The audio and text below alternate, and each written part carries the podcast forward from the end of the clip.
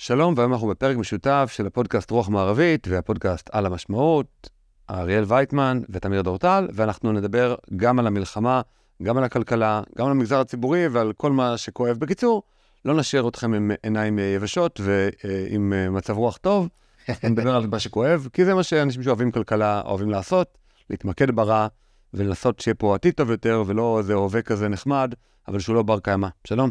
היי, תמיר, זה כיף להיות כאן. האמת, אני תמ... הרבה מאוד זמן רציתי להגיע, אני גר קצת לא רחוק, אבל uh, קצת סיפור בשבילי להגיע, אבל באמת, האמת, מרשים מאוד המקום וכיף להיות כאן. טוב, אז בוא נהרוס את החגיגה.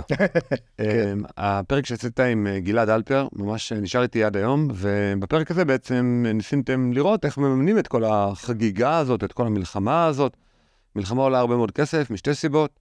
דבר ראשון, הרבה מאוד מילואימניקים לא נמצאים בבית, אם הם שכירים, הם מקבלים אה, ביטוח לאומי את המשכורת המלאה שלהם, ואולי אפילו עוד כמה מענקים, ואם הם עצמאים, אז הם מקבלים את אותו דבר מביטוח לאומי, ובשתי המקרים הם לא מייצרים בדרך כלל תוצרת. זאת אומרת, אה, גם אם יושבים על לפטופ איזה שעתיים ביום, או שלוש שעות ביום, לסגור איזה כמה משימות, במקרה שהם בכלל יכולים לעבוד מרחוק, אז אוקיי, אז הם, יוצא להם איזה משהו, איזה פריון כלשהו, אבל הם לא עובדים.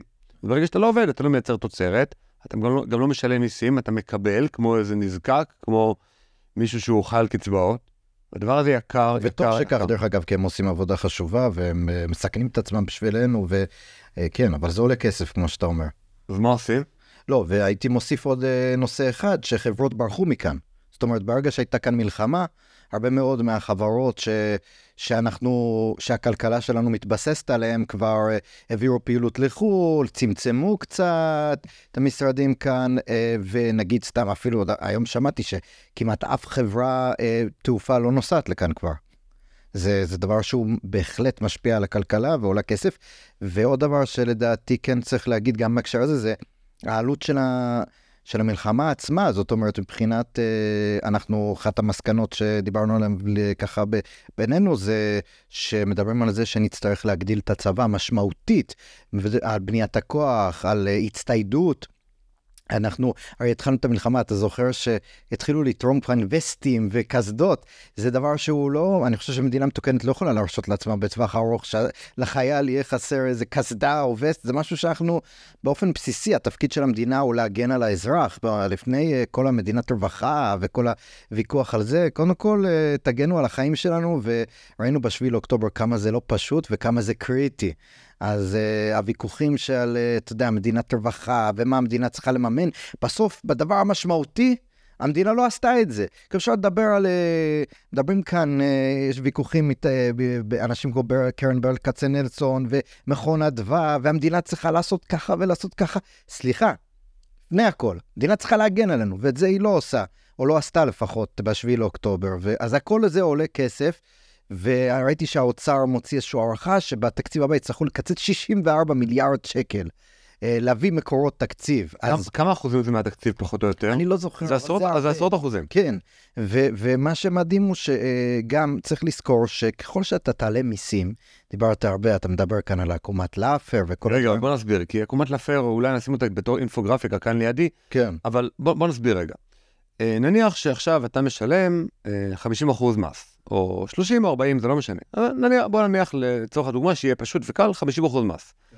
ואתה מרוויח, נגיד, סכום עגול, 20,000 שקל. זאת אומרת, אתה משלם 10,000 שקל כל חודש לקופת המדינה.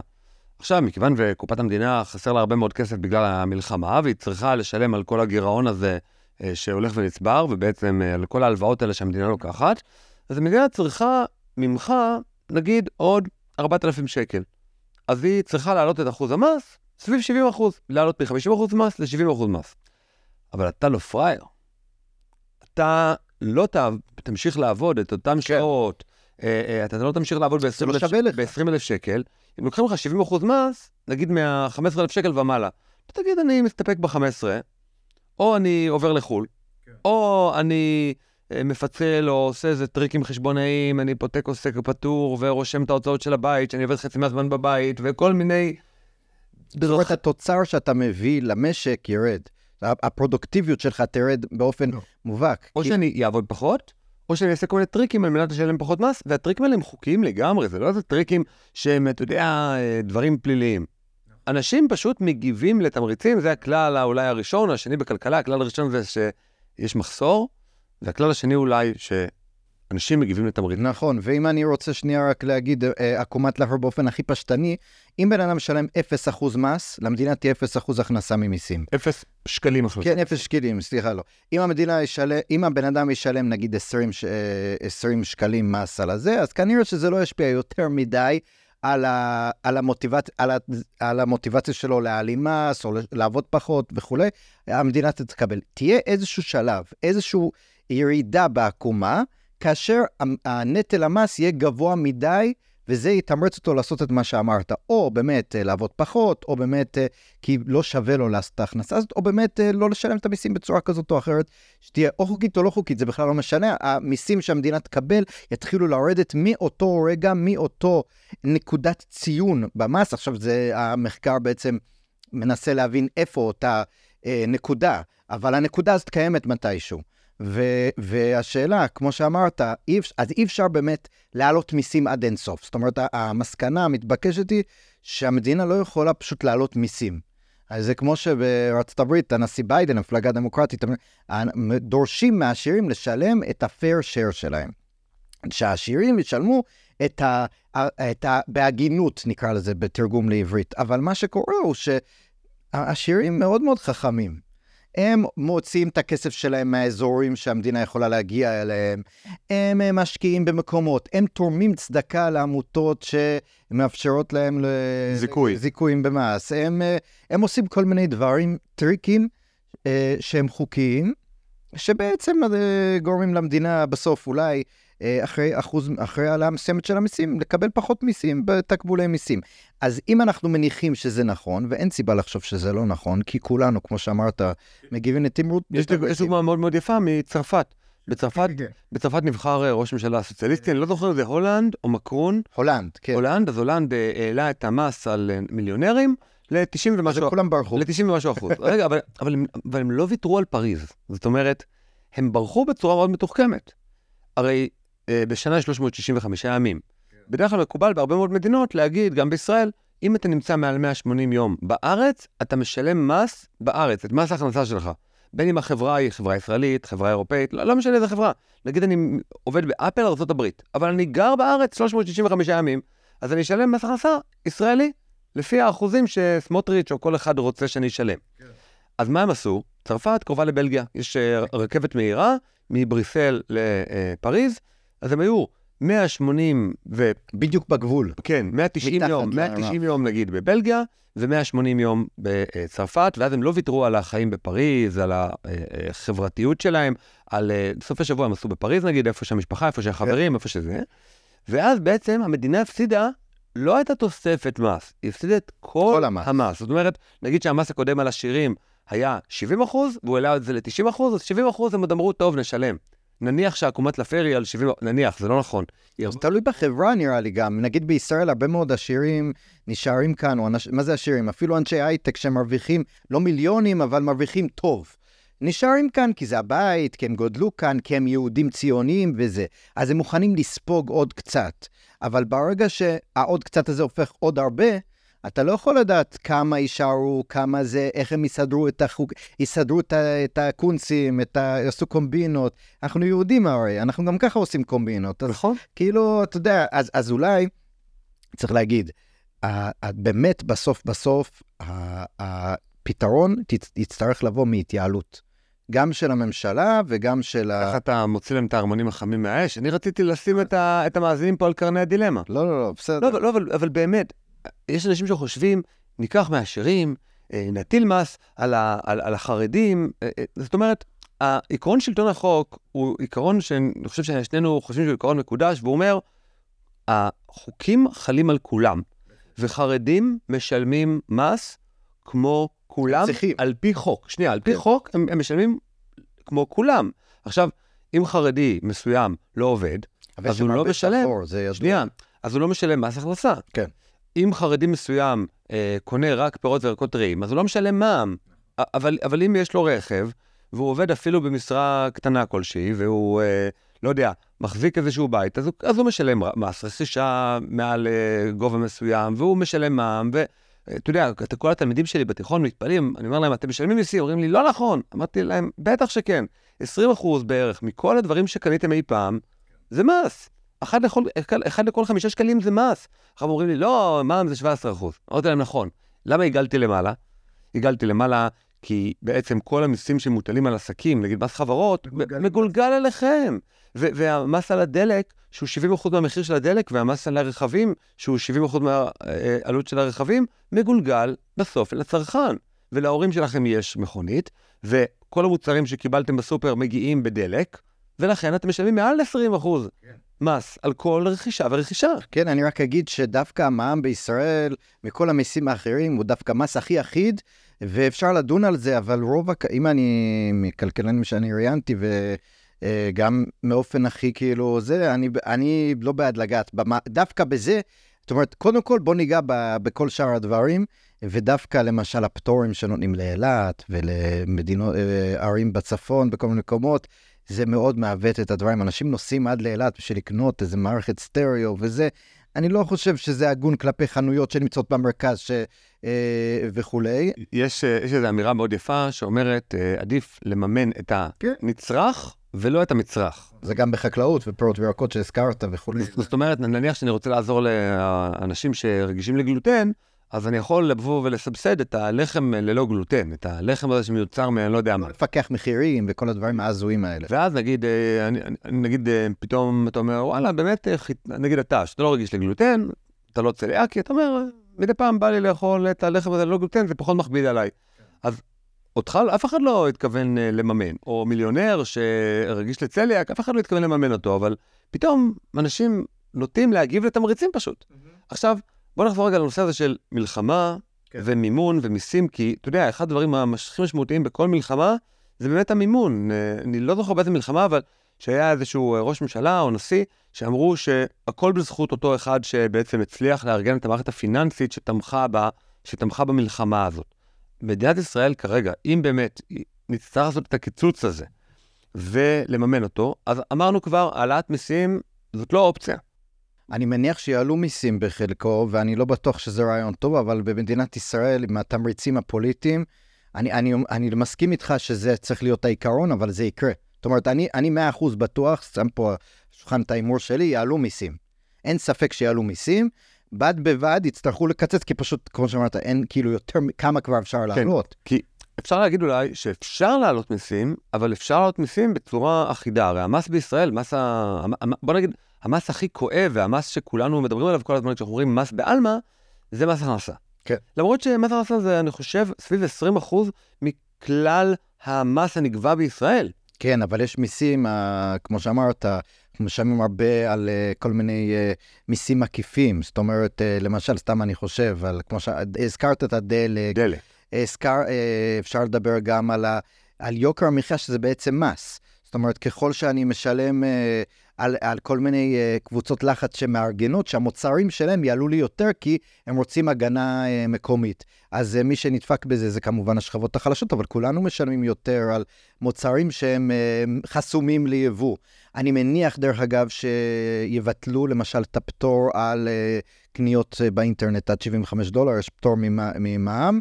אני מניח שיבטלו את זה. זאת אומרת, אם אני אזמין משהו באמזון עד היום, עד 75 דולר, לא שילמתי מע"מ. היום, לדעתי, יבטלו את זה, כאילו, זה נראה לי על השולחן. אני מניח שיבטלו את ה... זה לא מיסים, אבל אה, מה שאני מבין, הולכים לבטל את כל התוכניות האלה. זוכר שבבחירות דיברו על אה, חינוך חינם, יבטלו את זה. כל הדברים שאמרו, שיסבסדו את המעון מגיל 0 עד 3, כל הדברים האלה, למרות שזה אפילו לא היה זה, אבל יבטלו את זה, וכל הדברים שהממשלה הבטיחה לנו בבחירות, והתחילו קצת לנסות לעשות כדי להישמע שהם אה, עוזרים לנו במרכאות, הכל זה התבטל. וכמו שאני... אני כן, אבל זה כבר קיצוצים. זה כבר באמת... ה- זה קיצוצים לדברים שהציבור תופס כ... כ... ואולי זה מקום לחנך ולהסביר. כחינם. כן, הציבור תופס את זה כמתנות. הציבור הרחב. מניח שהמאזינים שלנו אה, והצופים שלנו הם יותר חכמים מהרבה מאוד מהציבור, וטוב שכך. והמטרה שלי ושלך, אני חושב שזה כן לדבר ולהסביר שאין דבר, דבר כזה מתנות חינם. יעלו מיסים, אנחנו נשלם. אם תנו לנו דברים חינם, גם אנחנו נשלם. הדבר, ו- ו- וזה חשוב להגיד, אז כן, כאילו, אני מסכים איתך. אז בעצם יש לנו שתי ברירות, העלאת מיסים, או לפחות העלאת מיסים כמו מס הכנסה, אה, לשכבות העשירות, זה לא יביא ליותר תקבולי מס, זאת אומרת, זה לא גם יהיה... השכבות הבינוני, ש- ב- מעמד שנייה. ביניים, למה? לא נכון. יצטרכו לעלות, שנייה. ירצו לעלות. כרגע יש פטור במדינה, שוב, אנחנו זורקים מספרים כאילו לא מדויקים, אבל זה בסדר. אני מקווה שיסלחו לנו, אפשר לבדוק באתר כל זכות מה הפטור ממס. על העיקרון אבל. זהו, זאת אומרת, נגיד עד 7,000 שקלים, אדם לא משלם שקל אחד מס הכנסה, משלם 5% ביטוח לאומי על כל מ-100 שקל הראשון. זה, זה משהו שאולי צריך לבטל אותו. זאת אומרת, באמת בשביל לגבות את, ה, את, ה, את המיסים ואת התקבולים שאנחנו רוצים, בשביל לממן את הצבא ובשביל להמשיך לחיות פה במדינה הזאת, אז צריך להעלות את המס בצורה אחידה. זאת אומרת, כרגע המ- מס הכנסה בישראל הוא מאוד, מאוד פור- פרוגרסיבי. הוא מאוד פרוגרסיבי. מה זה אומר מאוד פרוגרסיבי? זאת אומרת, בהתחלה אתה לא משלם כלום, אתה משלם אפס, כל שקל שאתה מרוויח הולך אליך לכיס, ואחר כך הוא פשוט מגיע ל-10, 15, 20, ופתאום 50 אחוז. בגדול, העיקרון, מה שאתה, שאתה אומר, זה המס, אה, ה-flat tax, מה שנקרא, אה, מס אחיד. אה, יש על זה ויכוחים מאוד, מאוד גדולים, אבל בגדול אני מסכים איתך, זה צריך להיות המטרה. מה שכן, מבחינה פוליטית, אני חושב שהדברים לא יקרו. זאת אומרת, אני חושב שאם יעלו משהו על המס, על השכבות הנמוכות יותר, המעמד הביניים והמעמד הנמוך, תהיה כאן טירוף בשיח הציבורי, התקשורתי, וזה פשוט לא יקרה. אני זוכר סיפור שסיפר לי מישהו, אני חושב שזה לא איזה סודומר מואב, אפשר לחשוב עליו הרבה דברים, אבל הוא עבד, אה, היה יועץ כלכלי של שטייניץ. ובזמנו, כמו שאמרתי, מס, המע"מ צריך להיות אחיד, זאת הטענה של הכלכלנים. נכון. שטייניץ מגיע... כל מס. כן, כן, כן. אז שטייניץ מגיע לבנימין נתניהו, שהיה אז ראש הממשלה, והיה גם בור בתקציב, 2008-2009, היה משבר כלכלי עולמי, אז הוא אומר לו, שר האוצר אומר לראש הממשלה, בגדול אנחנו החלטנו אה, שצריך לה, לה, אה, להחזיר או לעשות מע"מ על, אה, על פירות וירקות, תוצרת חקלאית, שבישראל היום אין. ראש הממשלה אמר לו, אני תומך בך, 100% אני מאחוריך. ראש הממשלה יוצא מהחדר, אה, לפחות לפי מה שעומר אומר, היועצים הפוליטיים אומרים לו, תשמע, רד מזה, הוא לא איתך, הוא יתקע לך סכין בגב. היועצים הכלכליים אומרים לו, הוא תמך בך, תלך על זה, זה חתיכת דבר, זה חשוב, זה זה, זה, ש... זה משהו שהוא עיוות לאורך שנים כבר, בוא נלך על זה. אומר לו, טוב, נלך על זה. יום למחרת, ידיעות אחרונות, אם אני לא טועה, אה, שר האוצר רוצה להחזיר את המע"מ על פירות וירקות, ראש הממשלה אה, בשיחות סגורות, משהו בסגנון הזה, אני לא אתן לו, זה יפגע בשכורות החלשות וזה. אומר, מאותו רגע למדנו, אה, שטייניץ למד, צריך אה, לקחת את הדברים בערבון מוגבל. עכשיו, זה לא עניין של לרדת על נתניהו בהקשר הזה, זה עניין פשוט להבין את התמריץ הפוליטי. התמריץ הפוליטי, ברגע שהציבור הוא לא שם, לא איתך, ואז מאוד מאוד קשה אה, להזיז דברים בהקשר הזה, מאוד מאוד קשה. עכשיו, נתניהו יודע מה, מה צריך לעשות, אה, בניגוד לפוליטיקאים אחרים, והוא פשוט הבין שמבחינת לא שווה לו לה- להתאבד במרכאות על הנושא, כי, כי הציבור לא איתו, והוא למד מזה כבר כשהוא היה שר אוצר כנראה, שזה לא כדאי. אוקיי, אז בעצם, אה, בוא נגיד, טיפול שונה במערכת המס, שיביא תקבולים, לא יקרה. לא יקרה כלכלית, לא יקרה או, או פוליטית או כלכלית. כלכלית זה לא יקרה כי אם יעלו את שיעורי המס במס הכנסה, אז לא יקבלו יותר תקבולים, ואם יעלו את זה על דברים שבאמת כדאי פשוט לאחד את המס ולהפוך את המס ליותר אה, אחיד ובלי פטורים וכל הדברים האלה, כמו שהכלכלנים ממליצים, אז היועצים הפוליטיים או האנשי תקשורת כן. פשוט יפילו את זה. אבל כן, אני אומר, כן, אה, אמנם אנחנו לא מסכימים שזה צריך להיות, זה כן יעל, ינסו להעלות את המס על חלקים מהציבור. אמנם ההשפעה של זה תהיה מאוד מוגבלת, אם בכלל, או שתהיה אפילו שלילית. אבל, אבל ינסו לעשות את זה, כי, כי באמת הם נמצאים בברוך מאוד מאוד גדול. אה, ובאמת, כאילו, הם, הם, הם גם, אנחנו נגיע לנושא שאנחנו חושבים שכן צריך לעשות, אבל, אבל אני חושב שהמדינה לא בהכרח גם פוליטית יכולה, זאת אומרת, יש כאן איזשהו... אה, רם עמנואל אמר, never let a good uh, crisis go to waste. תמיד כשאתה נמצא במשבר, ההנהגה צריכה לדעת איך לנצל את המשבר הזה כדי לעשות דברים נכונים. אני מפקפק האם ההנהגה הנוכחית שלנו באמת נמצאת במקום הזה שהיא רוצה, אחרי גם ככה שבסקרים הציבור מאוד תוסס אולי בצדק או שלא, כל אחד עם הדעה שלו, אבל אני בספק אם ההנהגה הישראלית נמצאת במקום שהיא רוצה להתעמת עם אה, קבוצות לחץ אה, נרחבות. ראינו שר אוצר, דרך אגב, אומר שבוע שעבר, הוא היה בישיבה עם נגיד וראש ממשלה, והוא יושב ואמר, אחד הנאומים, דרך אגב, הכי הזויים שראיתי בחיים שלי, של שר האוצר, יושב ואומר, דרך אגב, בצלאל סמוטריץ' הוא בן אדם שמבחינת התפיסה, אני הייתי בטוח לפני שהוא נכנס לתפקיד שהוא במקום הנכון. ואז אתה רואה נאום כזה, הוא אומר, אנחנו נעשה איזונים תקציביים בלי שיהיה אה, שינויים בסדר עדיפויות, בלי להיכנס למריבות, בלי להיכנס לעימותים מיותרים, כי זה לא הזמן לעימותים. עכשיו, כולנו בעד אחדות, אבל בסוף שר האוצר יצטרך לתכלל, מה, אה, ועוד מעט נגיע לזה, מה, אה, מה צריך, אבל בסוף הוא יצטרך לעשות דברים שיעצבנו אנשים. זה התפקיד של שר האוצר.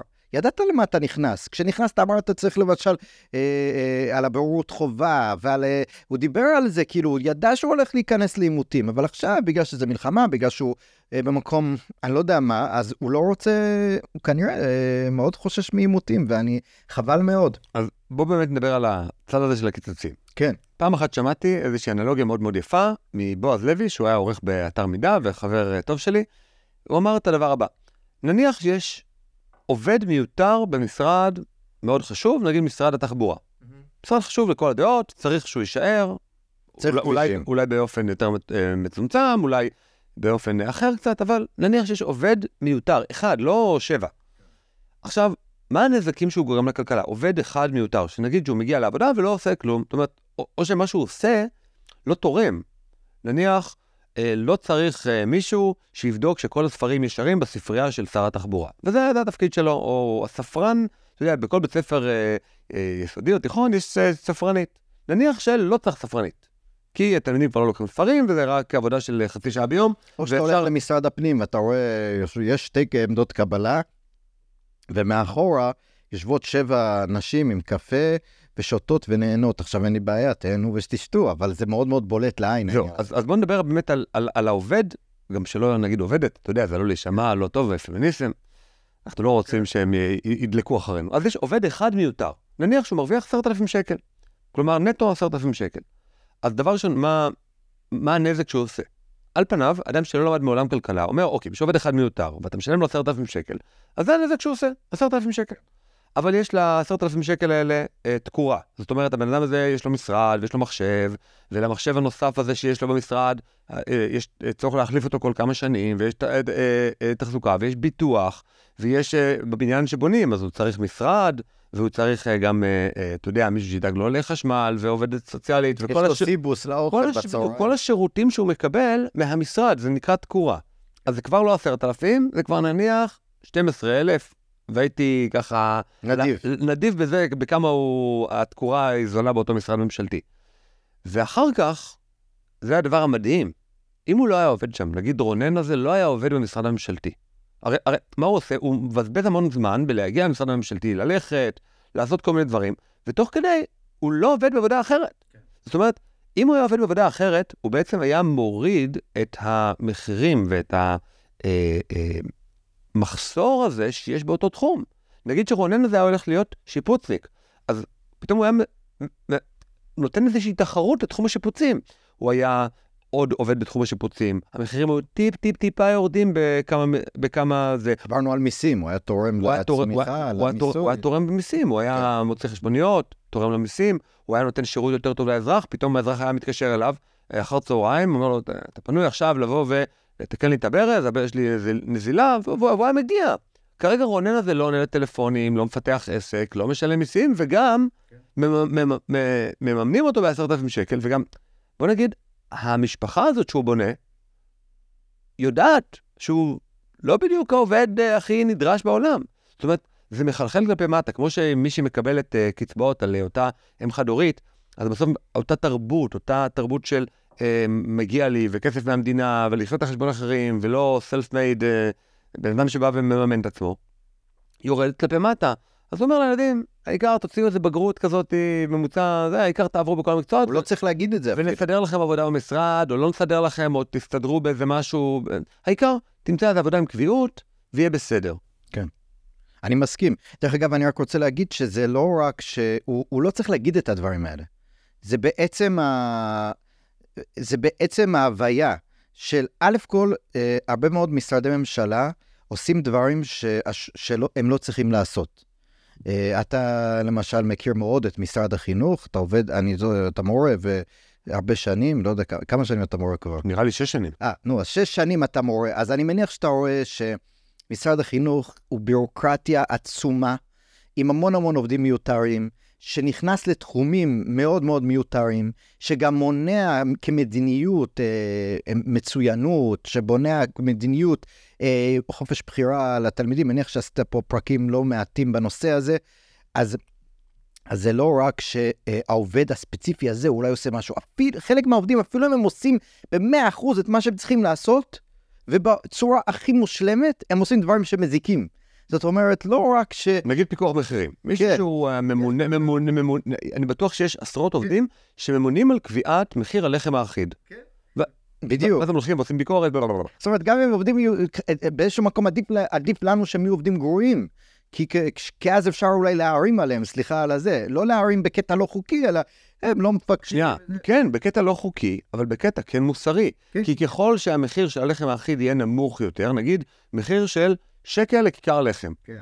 אז עכשיו, לי יש עז, לא יודע אם אתה יודע, סתם אין לי, אבל אני אתחיל להאכיל אותה ב- בלחם האחיד, כי זה יותר, זה יותר זול מאשר כן. התערובת שלה. כן. ובן אדם יבוא ויקנה סתם כיכר לחם בדרך הביתה, כי הוא אומר, יאללה, שיהיה לחם טרי כל יום, כי זה בשקל. עכשיו, בשקל זה ממש מחיר הפסד. זאת אומרת, האנג'לו, מי שזה לא יהיה, יגידו, אנחנו לא, לא, לא רוצים לייצר. בכלל לא יהיה. זאת אומרת, המחיר של הלחם האחיד יהיה שקל.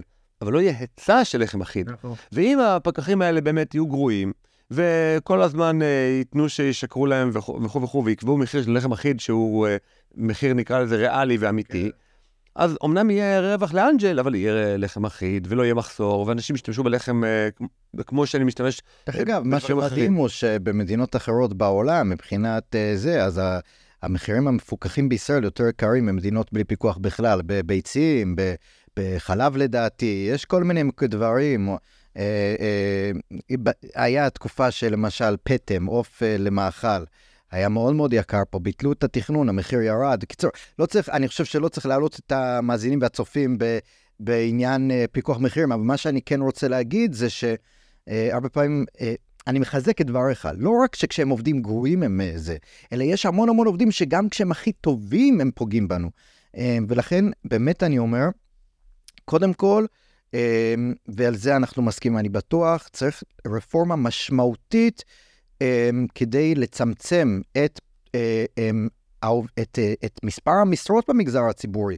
זה על העובדים הלא טובים, וגם על איזשהו מנגנון שינסה לפקח על האם העובד הוא טוב, האם העובד הוא רע, מה התפוקות שלו. בדיוק כמו חברה אה, פרטית, מאוד מאוד קשה, כמעט בלתי אפשרי בחברה הציבורית, בחברה ממשלתית, לעשות דבר כזה, אבל, אבל צריך לעשות את זה. ושנית, באמת לצמצם את תחומי אחריותה של הממשלה, של המדינה, כן? הממשלה היא פשוט אה, שם המדינה, הממשלה היא זאת שמבצעת את המדיניות והיא זאת ש, אה, שמפעילה, אבל של המדינה, אנחנו לא צריכים שהמדינה תתעסק בפיקוח מחירים, הזכרת, אנחנו לא צריכים שהמדינה תתעסק בהרבה אה, מאוד תחומים, אני אדם דתי, בהרבה מאוד תחומים, תחומי דת. אני, היה לך פה, אני מניח, את הרב חיים נבון, אנחנו דיברנו על זה שהרבה מאוד מהתחומים שהמדינה אה, נכנסת להם בתחום. הדת הם תחומים שאם המדינה לא הייתה שם, אז גם הדת וה, וה, והעולם הדתי היה מרוויח מזה, עולם התורה, אמ, תרבות, אה, אמ, כל מיני, אה, אני אגיד משהו במדיניות רווחה. אני אדם אה, נכה. לפני ארבע שנים איבדתי את הראייה, אני היום עם צודת עיוור, אני בעין ימין לא רואה כלום, בעין שמאל קצת מתפקד, וכשהודיעו לי, אני סיפרתי את הסיפור הזה כמה כן, פעמים. כן, בדרך כלל פרק מומלץ, כן, כן, שאשתך ראיינה אותך. כן, אבל גם ראיינו אותי במקור ראשון על זה, אני לא זוכר אם סיפרתי את הסיפור, אבל מה שאותי אה, היה מאוד תפס, ששמו, אה, באותו, בבית חולים יש יועצת של הביטוח לאומי, ו... אה, ו- ועכשיו אני, אני אראה לך איך זה פוגע גם בתוצר, ואיך זה מתמרץ אנשים לא לעבוד. היא בעצם, אמרו, אתה הולך להיות 100% נכה, 90 ומשהו אחוז נכה, בוא תפגוש יועצת של הביטוח לאומי, יועצת זכויות. לא יודע איך זה נקרא היום. אמרתי יועצת זכויות, סבבה וזה. אתה נכנס ל... מי לא רוצה זכויות? אתה נכנס ליועצת, ואז באיזשהו שלב היא אומרת לי, תקשיב, אומר לך, דוגרי, עדיף לך לא לעבוד. תחתום אבטלה. אמרתי לה, אני הייתי אז 29, 30, יש לי עוד אה, מלא שנים לפניי בעזרת השם, כן? טפו טפו טפו. אני, אני לא, מה, אני אסתכל על הקיר כל היום ב... כל היום אני אסתכל על הקירות, אני אשתגע, כאילו, אני רוצה לתרום, אני רוצה להיות בן אדם פעיל. אמרת לי, תקשיב, מבחינת הזכויות, זה שאתה רוצה וזה, מבחינת הזכויות, אתה, אם אתה מרוויח מעל סכום מסוים, אתה מאבד את הקצבת נכות שלך. זאת אומרת, המנגנון עצמו בנוי על כך שהיא מתמרצת אנשים, דיברת על תמריצים, אם היא רוצה לקבל את אותה, אם הבן אדם רוצה לקבל את אותו קצבת נכות, הוא צריך לא לעבוד, לפחות לא לעבוד במשרה מלאה, ולנסות לנסות שישלמו לו פחות כסף, אם זה גבולי. כמובן שאם אדם מרוויח 30-40 אלף שקל לחודש, אז אין לו עניין בקצבה גם, אבל מי שכן מעוניין בקצבה, המדינה מתמרצת אותו או לא לעבוד בכלל, או לעבוד במשרה שהיא ממש בקטנה ובקושי מרוויחה ולא תורמת בהכרח וכולי. אני מכיר אנשים שעם המחלה שלי, או אנשים שבקבוצות של עיוורים שאני שייך בהם, שבאמת החליטו לא לעבוד בכלל בעקבות זה. זאת אומרת, לא היה להם שווה לעבוד. הם הרוויחו מהקצבה, דמי ליווי, דמי זה, כל מיני הנחות וזה. חיים חיים מבחינה כלכלית שהם שורדים את היום-יום, ואין להם עניין לעבוד, הם לא עובדים. פשוט הפסיקו לעבוד. עכשיו, מבחינה נפשית זה דופק אותך. מבחינת uh, הערך העצמי שלך מול המשפחה, מול החברים, זה הרסני מבחינה אישית, אבל מבחינה לאומית, מבחינת של uh, צמיחת הכלכלה, גם דיברנו על מיסים, מבחינת זה. אז יש לך דברים שהם גם קיצוצים שצריך לעשות, וגם תחומים שהמדינה מנהלת אותם כל כך גרוע, שהיא מתמרצת אנשים להתבטל. יש מיליון, באמת, אני, אני אומר כאילו, אם אני הייתי קובע, אם אני ואתה היינו קובעים את הדברים, היינו חיים בגן עדן, דיברנו על uh, רמת מיסוי נמוכה, מס חברות פה, לתמרץ, אנחנו נרצה שחברות יגיעו לכאן אחרי מלחמה, ש, שהיה כאן טבע, חלק מעובדי אינטל, ראיתי אה, ראיון עם מנכ"ל אינטל בארצות הברית, מנכ"ל אינטל העולמי. אז הוא אומר, יש לנו עובדים שהם חטופים, יש לנו עובדים שנרצחו, יש לנו עובדים שנמצאים במילואים. עכשיו, הוא מאוד גאה בזה. אבל אני מאמין ש... דרך אגב, כל הכבוד לו בתור אה, יהודים וציונים, אנחנו מאוד בעד שאינטל כאן וזה, אבל חברות אחרות שרואות את מה שעוברת אינטל למשל, אני מניח שהן מהססות להגיע. עכשיו, אם אתה... אז ככל שההיסוס להגיע יותר גדול, ככה המיסים צריכים להיות יותר נמוכים, מס חברות, כדי לעודד חברות להגיע לפה. נגיד אירלנד עשתה בוננזה, אמרה, אני עושה מס אפס, כן. ועכשיו גוגל ואפל וכל... שם. וכולם שם, כולם פשוט רשומות שם. אז המטה, במטה של גוגל, של אינטל, בטח יש כמה אלפי עובדים, אז יש את המטה שלהם ואת המטה שלהם ואת המטה שלהם. ואוקיי, אז מי שיש לו שווארמה, ונגיד... הוא. מוכר לעובדים, ואז זה לא, מתמרץ את כל הכלכלה. כן, זה בעצם עושה, עושה, עושה רק טוב, ואתה יודע, זה, זה כל כך מאיים על מדינות אחרות שיש להן מס חברות גבוה, נגיד כמונו, שרוצים לעשות עכשיו אמנה בינלאומית, okay. כן. שאסור יהיה להוריד את ה... אם זה קורה, אני ממליץ למדינת ישראל לא להיות חלק מהאמנה הזאת, ולהוריד את המס חברות שלה, ואז כל העולם יגיע לפה. זאת אומרת, במובן הזה, ולמ... ואני מניח גם שמדינות כמו אה, במזרח, וזה, הן לא מחויבות לכלום. ב... זה, זה בדרך כלל המערב שמדבר עם עצמו. זה כמו העניין של האקלים וזה, זאת אומרת, מדינות מערביות, סין מגיעה וחותמת ולא מבצעת, והעולם המערבי מגביל את עצמו ודופק את עצמו, וכל... אה, ו- ו- ו- וזה בגדול, המערב מדבר על עצמו, אבל אתה צודק במאה אחוז. ככל שהסיכון כאן גובר, מבחינה ביטחונית, מבחינת uh, חוסר יציבות, עברנו שנה שלמה, לא משנה מה העמדות שלכם על הרפורמה סלש מהפכה המשפטית, בסוף בסוף, בגלל ההמולה ובגלל הפחד והחשש מהדברים, חברות היססו להגיע לכאן. עכשיו, אם, אם זה המצב, וזה המצב, ואז יש לך את הנושא הביטחוני והטבח, אז אתה חייב כאילו כדי להחזיר אותם, להוריד את המיסים, להוריד את הרגולציות, להפוך את המקום ליותר אטרקטיבי. ואנחנו לא, כאילו, בשיח הציבורי כרגע זה לא הולך לשם, וחבל מאוד, אני באמת כאילו... אז, אז בגדול יש לנו חור של 64 מיליארד שקל, כמו שאמרנו. אבל, אבל זה קצת יותר מזה, זאת אומרת, אה, צריך לבוא ולקנות חימוש. כן. נגיד, נגיד למלחמה ב... שוב, אני לא המל"ל, אבל אני אומר, מלחמה בשלוש זירות נגיד, חודש לפחות חימוש שיש לנו לפני שאנחנו נזקקים לרכבת האווירית, אנחנו לא רוצים שוב... אנחנו לא שם כרגע. שנייה, אבל אנחנו צריכים לקנות, צריכים לקנות. לא רק טנקים, מטוסים ועוד כל מיני אמצעי לחימה, ואתה יודע, קסדות אפילו.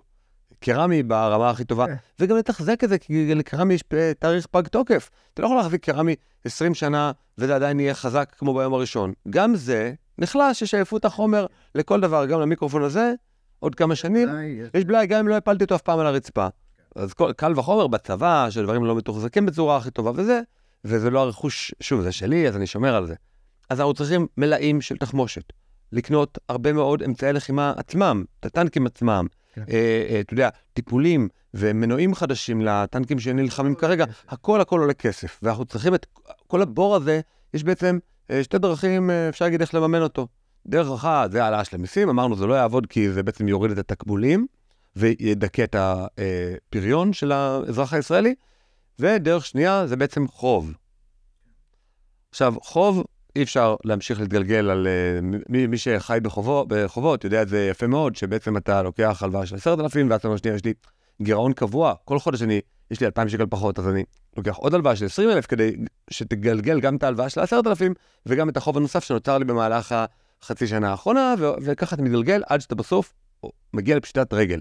מדינת ישראל לא יכולה לאפשר עצמה להגיע לפשיטת רגל, כי הרבה לפני זה, האויבים שלנו פשוט יהרגו אותנו ויחסלו אותנו. להחזיק צבא עולה כסף, ובלי הכסף הזה אנחנו, יהיה לנו צבא חלש יותר, וראינו בשביל אוקטובר שאפילו האויבים, האויב הכי חלש שלנו, שזה החמאס, הרי כל השנים, אה, בשנים האחרונות דיברנו על החיזבאללה ואיראן וזה, האויב הכי חלש וככה מצ'וקמק היה החמאס, וגם הוא אה, צריך כנראה צבא הרבה יותר חזק כדי להתגונן מולו. ולהיות התקפי, אני חושב שזה משהו שהקונספציה וזה, מדברים עליו הרבה. זה עולה כסף, הקונספציה הזאת. אז בעצם הפתרון שאנחנו כאן רוצים להביא לשולחן זה קיצוצים נרחבים במגזר הציבורי, בין על ידי סגירת משרדים מיותרים כמו משרד התרבות או משרד הספורט, או אולי אה, להפריט את החינוך באופן כזה ואחר. שיטת הוואוצ'רים נגיד היא יכולה להיות מעניינת. מי שרוצה לשמוע עליה יותר, עשיתי פרק עם ריקי ממן, ממש על השיטה הזאת בעקבות הספר של תומאס סואל, מדוע הם שונאים בתי ספר פרטיים. הנה הספר הזה, במקרה אני מגיע. כן. וספר, גם ההקדמה של ריקי לספר הזה מעולה, וגם על ידי שינויים מבניים בתוך המשרדים שכן צריך. נגיד משרד האוצר, נניח יש שם איזה פקיד מיותר שכבר נשאר מימי התרבות, מישהו שמחלק דואר. אז כבר לא צריך אולי מישהו שמחלק דואר, כי כל האימיילים עובדים יפה, אפשר להגיד לאותו בן אדם, סליחה, תגיע רק אה, שעה, שעה בשבוע, לוודא שלא יצטבר איזה פקסים, אני לא יודע מה, או אפילו לא. יש לי עוד שתי נקודות בהקשר הזה. זה קודם כל, מדברים הרבה, זה, זה כן קצת פופוליזם לדבר על סגירת משרדים וזה, אבל כן אני אגיד, אני חושב שהרבה אנשים בעמדה שלנו מזלזלים בדיבורים האלה. אבל אני כן חושב שצריך לצמצם את מספר המשרדים.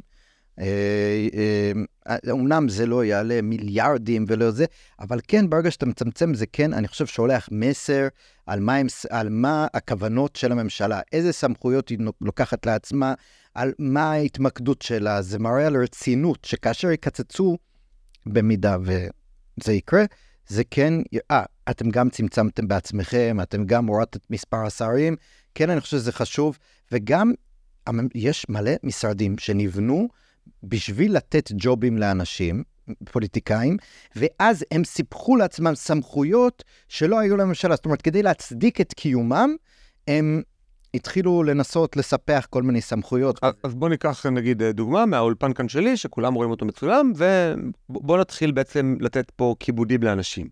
כן. אז, אז יש לנו, אתם זוכרים את רונן מהסיפור הקודם? אז רונן, במקום להיות שם, אז אני מיניתי אותו לאחראי ספרייה. ומכיוון והוא אחראי ספרייה, וזה לא סתם שוק פרטי פה עכשיו, הוא אחראי ספרייה מטעם הממשלה, אז עד שהוא לא חותם בכל פעם שיש רעיון שהספרייה מסודרת, אסור לצלם. בדיוק, כדי להצדיק. עכשיו, זה בנוסף לזה שיש אחראי סאונד, שהוא מומחה בסאונד, יש לו תואר רשמי כמובן, כי בממשלה לא עובדים אנשים בלי תארים רשמיים, לא מספיק מישהו שיודע לתפעל את המכשיר, צריך מישהו עם הבנה מעמיקה. ויש אחראי וידאו, זאת אומרת, בשביל כל רעיון, צריך שלושה אנשים שיבואו ויחתמו. ואם אחד מהם פתאום יש לו חופשת מחלה, אחד מהם פתאום עושה קונצים בגלל שרונן הוא מהליכוד, ואחראי סאונד הוא מש"ס, והוא מהבית היהודי, אז פתאום הם מתחילים, אתה יודע, להתקוטט. עכשיו, יכול להיות שכל הדברים האלה של האולפן היו במשרד ממשלתי אחד, ואז בעצם יש שר אחד, נגיד מהליכוד, והוא אחראי על כל זה. נכון. ואפילו זה בן אדם אחד, זה לא שלושה אנשים שונים. זאת אומרת, ברגע שאתה נותן את משרד הנגב והגליל לפרס, שהוא עוד היה בזמנו נתנו לו את זה בתור כיבוד, את המשרד הזה לתיאום אה, בין מקומות. אז, הוא לקח קצת מהרווחה וקצת מפה וקצת משם, והיה צריך את האישור שלו. עד היום, המשרד הזה חולש על חלק מהסמכויות שנלקחו בזמנו של פרס, וצריך אישור אה, מזה וצריך ועדה בין-משרדית. במקום לקיים ישיבה שרונן עולה מקומה אחת לקומה שלוש לחדר ישיבות, ואומר, אוקיי, זה, עכשיו צריך לתאם בין המנכ"לים של המשרדים, מתי תהיה הישיבה, ואצל מי, ומי מאשר, ומי מנהל את הישיבה. אי אפשר. זה פשוט גורם סרבול. עזוב, למה צריך משרד מודיעין? אני באמת, אני, אני באמת, כאילו, אני, אני, אני, אני לא מצליח להבין, ודרך אגב, הם עשו לנו נזק, כי הם מוציאים דוחות, אה, הרבה פעמים, אני לא רוצה, לד... אתה יודע מה, לא משרד משרדים מיותרים. מוצאים כל מיני דוחות בנושאים שהם מאוד רגישים לפעמים, ואז הם מעוררים כעס בקרב משרדים אחרים, ואז יש התקוטטות, למה הוצאתם את זה? אני אומר לך דברים שאני יודע מאחורי הקלעים, יש כעסים. אז, אז יש מלחמה כרגע, והמשרדים שאמונים בחלקם על, על אספקטים של המלחמה, רבים עם עצמם גם על קרדיטים, גם הם כועסים אחד על השני על מה כל אחד אומר. אחר כך מישהי הולכת ומתראיינת כי היא שרת המודיעין, אז זה כאילו אה, נחשב. אז היא הולכת להתראיינת בערוצים אה, מחו"ל, ואז היא אומרת דברים שיכולים לפגוע, כי היא לא באמת... אה, לא יודע, אולי, אני לא רוצה לרדת עליה ספציפית, אבל, אבל בגדול אתה מבין את הכוונה, יש ויכוחים על טריטוריה, ממש, כאילו... כולנו, כולנו יודעים אבל, שברגע שאנחנו מתקשרים לאיזשהו משרד ממשלתי ואומרים, תשמעו, יש לי איזה עניין שצריך לפתור, אני צריך את האישור הזה וזה וזה. מה, מה התשובה הקלאסית? כלומר, אם אני צריך לנחש איזה תשובה אני אקבל מאותו אחד שאני מתקשר אליו, זה, זה לא אצלי, זה אצל מישהו אחר. כן. זאת אומרת, ככל שהממשלה יותר מורכבת ויותר גדולה, אז ככה כל אחד מתעסק באיזה פינה, פינונת כזאתי, ואין מישהו שאומר, שנייה, זה, באחר... זה, זה באחריות המשרד, אני אעזור לך, הרי כש... אני זוכר כשהתחלתי לעבוד בגיל 14 באופיס דיפו, אז בא המנהל ואמר לי כזה דבר, תקשיב, לקוח שואל אותך שאלה, אתה לא עונה לו, אתה מראה לו. כן. בשום משרד ממשלתי מעולם לא אמרו לי, אני מעבירה אותך, ואני נשארת איתך על הקו לוודא שטיפלו בך. טוב, זה הגיוני, למה? כי אין להם שום תמריץ לעזור לך. הם יהיו קיימים עם אותם שכר, עם אותו זה, התקציבים יגדלו משנה לשנה, ואין שום אה, בסיס, גם אם מבקר המדינה יגיד שהם לא בסדר בזה משהו, אף אחד לא שם עליו, וממשיכים הלאה. ואני רק אגיד גם שזה, אני כמובן מסכים איתך, אבל יש גם משרדים שעושים דברים מיותרים. זאת אומרת, זה לא, זה לא שרק הם מערבים הטריטוריה, יש הרבה משרדים שעושים שטויות. באמת, אני אומר, כאילו, אנחנו, אני אדם, אה, אני לא איש שמאל, אבל אני כן אגיד, למשל, הרבה מאוד ממה שאורית סטרוק עשה וכועסים עליה עכשיו, וכל, אני חושב שהרבה מאוד מהמשרד שלה, אם, אם, אם לא כולו, מיותר. אני חושב שהמשרד המורשת, למשל, של השר אה, עמיחי אליהו, למשל, לא רוצה שהממשלה שלי תתעסק איתי עם המורשת שלי. המורשת שלי היא שלי, של העם שלי, לא של שר אליהו. לא רוצה שיתעסקו לי במורשת, סליחה שאני אומר לך את זה. זה כאדם שרוצה מורשת, לא כאיזה אחד שכל מדבר על הדתה. כן, אני, אני עשיתי עשרות פרקים כבר על ענייני היסטוריה, וענייני כן. מורשת, וענייני זהות יהודית. אתה מקבל כסף ממשרד המורשת? גם אם היית מקבל, לא, לדעתי לא, לא היית לא. צריך לקבל. כי, כי לא צריך את זה, אתה עושה עבודה מספיק טובה, ואם מישהו רוצה לשמוע אותך, הוא ישמע אותך, ולא צריך את כל השטויות האלה, ואתה זוכר שהוא נכנס, היה ויכוח על השבת הישראלית. אמרתי לעצמי, למה בכלל יש ויכוח שבת הישראלית? לא צריך שבת ישראלית ולא צריך שבת יהודית, שכל אחד יעשה את השבת היהודית בלי שהממשלה תעשה את זה. שבת הישראלית, אם מישהו חשוב לו, אז שיהיה תרומות גם לזה וגם לזה, כי זה לא מעניין, זה רק עושה קודם כל מחלוקות, זה מבחינה חברתית, אבל גם מבחינה כספית ומבחינה זה, לא רוצה שיתעסקו בזה. אמ, וזה חשוב לי להגיד. אני כן אגיד עוד משהו אחד שאולי אה, זה גם נושא שלא נעים לאנשים לשמוע, במיוחד בצד שלי של המפה, אני כבר לא יודע מה הצד שלי של המפה, אז אולי לא, אבל בגדול אני כן חושב שצריך לדבר על הפיל של החברה החרדית. אה, זהו, אני, אני הרבה זמן רציתי לדבר איתך על הנושא הזה. אתה לפני המלחמה, בערך אחד לכל שני פרקים או אחד לכל שלושה פרקים, זה היה על חרדים. כן. דבר. אני, אה, תראה. לא, אני יודע שזה חשוב לך, אז אני בכוונה נתתי את ההקדמה הזאת וקטעתי אותך, כי אני רוצה שהמאזינים שלנו ידעו שזה נושא... תראה, קודם כל אני רוצה להגיד שגדלתי בבית חרדי בארצות הברית, בברוקלין, ניו יורק. זה עיר הבירה של החרדים, אה, אולי אחרי בני ברק וירושלים, אבל בגולה, אני גדלתי בבית של חב"ד, אבל אימא שלי עבדה בבורו פארק, ששם באמת כל החסידויות הגדולות, אה, חוץ מסאטמר שנמצאת בבולימסבורג, אבל כל החסידויות, בובו וויז'ניץ ו, אה, וגור בארצות הברית, ו, אמ, ו, ו, וזה בית גידולי, אני גם אה, מדבר יידיש שוטף, אז אנחנו, אתה יודע, מהמקום גם מסבא וסבתא שלי, שסבא שלי היה מאוד מקורב ל... אני לא רוצה להגיד, אני ברח לי את השם של החסידות, אבל uh, היה מקורב לכמה אדמו"רים. אנחנו פה לא עושים אד הומינם. אתה, אין לך אנטי דתי או אנטי לא, חרדי. לא, זה ברור, אבל אני רק רוצה להגיד למה זה חשוב לי. אז זה חשוב לי משתי סיבות. קודם כל חשוב לי כי החברה החרדית חשובה לי. אני אדם שגדל שם, אני אדם שמאוד אוהב את החברה הזאת, אני אוהב את האוכל שלהם, אני אוהב את התרבות שלהם, אני אוהב ללמוד תורה, אני אוהב להיות שם. ואני חש שאנחנו נמצאים במקום שכבר אי אפשר לחיות בשטייטל יותר. אי אפשר, ה mindset של החברה החרדית במדינת ישראל כהשקפה, מה שנקרא, כי זה לא אותה חרדים מחו"ל, כי שם החרדים, אה, למשל היה לנו כולל בשכונה שלנו, רוב, הכולל לא קיבל כסף מהמדינה. הכולל היה על תרומות, רוב האנשים עובדים ותורמים מי שרוצה לכולל, ועל סמך התרומות האלה של נדבנים, הכולל אה, קיים. אז, אז, אז זה עולם אחר. בארץ אנחנו חיים במקום שבו אה, החברה החרדית נמצאת במקום שהיא לא מבינה, אה, לתחושתי, ברור שיש פרטים שמבינים את זה, אבל היא לא מבינה שהיא כבר גדלה בצורה שהיא לא יכולה להתעלם מכלל ישראל. היא לא יכולה להשליך את, אה, את האחריות על כלל ישראל לשאר החברה ולחשוב שיהיה בסדר.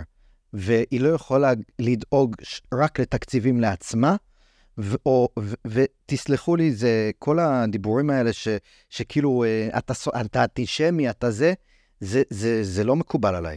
אי אפשר מצד אחד להגיד שאכפת לנו מכלל ישראל, ומצד שני שההנהגה וכולי דואגת אה, לתקציבים לעצמנו, ולחוסר, ה... ולהמשך קיום המבנה החברתי שמתמרץ אנשים לא לעבוד. זה א', ב', אני אזרח ישראלי. אני רוצה לחיות בשגשוג, אני רוצה שילדיי, ברוך השם, בשנים האחרונות התחתנתי, יש לי שתי ילדים, אני רוצה שהילדים שלי יחיו בחברה מודרנית, בחברה משגשגת ובחברה בטוחה, כי בלי כסף, כמו שאמרנו, אין uh, ביטחון.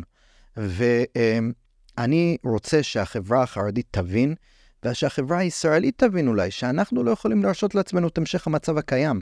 אנחנו ממש עוד שנייה בטיפינג פוינט, עשינו, דיברת על פרקים, יש מחקר, אה, המון המון חוקרים שחוקרים את הנושא הזה, הבנק העולמי, בנק ישראל, זה לא גופים שיש להם משהו נגד חרדים, זה הבנק העולמי, אם כבר, אז הוא שונא את כולנו, אם הוא, אתה יודע, מהארגונים מחו"ל, אז אה, אין לו איזה משהו נגד חרדים. הוא אומר, אנחנו נמשיך ככה, בעוד כך וכך שנים, החברה, הכלכלה כאן תתחיל, אה, אתה יודע, אתה יכול לסחוב על גבך עד נקודה מסוימת, אחוז מסוים של הציבור.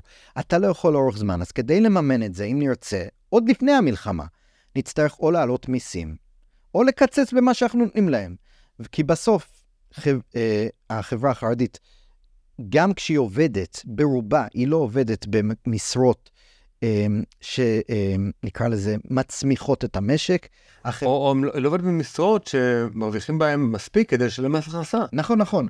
אז זה מה שאני אומר, אבל תחשוב על זה ככה, רוב הנשים של החברה האחרת, אחוז עצום, אני לא רוצה להגיד רוב, לא, אין לי מולי את הנתונים, אבל אחוז מטורף של נשים חרדיות, מדברים הרבה שהן עושות בגרויות, כמעט כולם, אחוז מאוד מאוד גבוה מהן לא עובדות בחינוך. עובדות בגנים, במעונות, בבתי ספר. עכשיו, אין זלזול במקצועות האלה, אבל בסוף העתיד נמצא בהנדסה, בהייטק, במחשבים, בפיתוח הכלכלי של המדינה. ו- ובעיניי, אמ, ושלא לדבר על החברה, הגברים החרדים, שלא, אה, בכלל, אנחנו רואים סטגנציה בשנים האחרונות. היו שנים שאחרי שנתניהו קצת קיצץ להם, והיו עוד קיצוצים, הייתה עלייה לא, יפה בהשתתפות בשיעור העבודה. בשנים האחרונות זה נשאר על סביבות 50, פתאום הוציאו איזה דוח שנראה יותר טוב, 53 אחוז. זה, זה לא בר קיימא לאורך זמן, זה לא בר קיימא, וגם אי אפשר בגיל 30, אחרי שיש לך ארבע ילדים, להחליט לצאת לשוק העבודה ולחשוב שבן אדם יתחיל ללמוד מקצוע, יתחיל זה, זה גם בעניין הגיוס, דרך אגב, אני, לא, אני לא דורש גיוס של חרדים לצבא. אבל, אבל זה מצחיק אותי שפתאום כולם, מה אתה בא בטענות לחרדים? הנה, הם רוצים להשתתף במאמץ המלחמתי, הם התגייסו לשבועיים לשירות מקוצר. הבן של דרעי התגייס לשבועיים, עשרה ימים, לא יודע מה, עשה טירונות וסיים. מאוד יפה, מאוד מגרגש, אבל זה לא מקדם אותנו מבחינת uh, הדברים שתיארנו כאן, וזה מאוד מאוד עצוב. Uh, אני מזכיר, היה עכשיו סרטון של uh, חייל, uh, קצין, שהולך לראש כולל, אחד הגדולים בבני ברק, אם אני לא טועה. כן, לקצין הזה קוראים ארז אשל. אה, אתה מכיר אותו. אני מכיר אותו, מכיר אותו אישית, אה, גם פרסמתי על זה איזשהו טוויט שזכה למאות אלפי צפיות. אז אולי תתאר לנו. ארז ביקש ממני להוריד את זה, אמר שזה גורם להמון נזק. הורדתי בלי לשאול שאלות, כי אני אוהב את ארז, למרות שאני חושב אבל הציוץ עצמו אני- בכל מקום, אה, נכון. הסרטון. אז נכון. אני כן אתייחס לסרטון בלי להתייחס גם הוא. גם הוא הלך לראש כולל וגם הוא הלך ל- אה, לאחד הרבנים הכי גדולים בציבור הליטאי, אה, הרב לנדאו, כן. שבעצם אה, דיבר איתו, ו... על אותם, זה היה בערך אותו שיחה, אבל, אבל כן בסרטון, מה שהודהים אותי זה ש... עכשיו, זה, זה כאילו, ה... יש כאן איזה כשל לוגי מאוד מאוד רציני.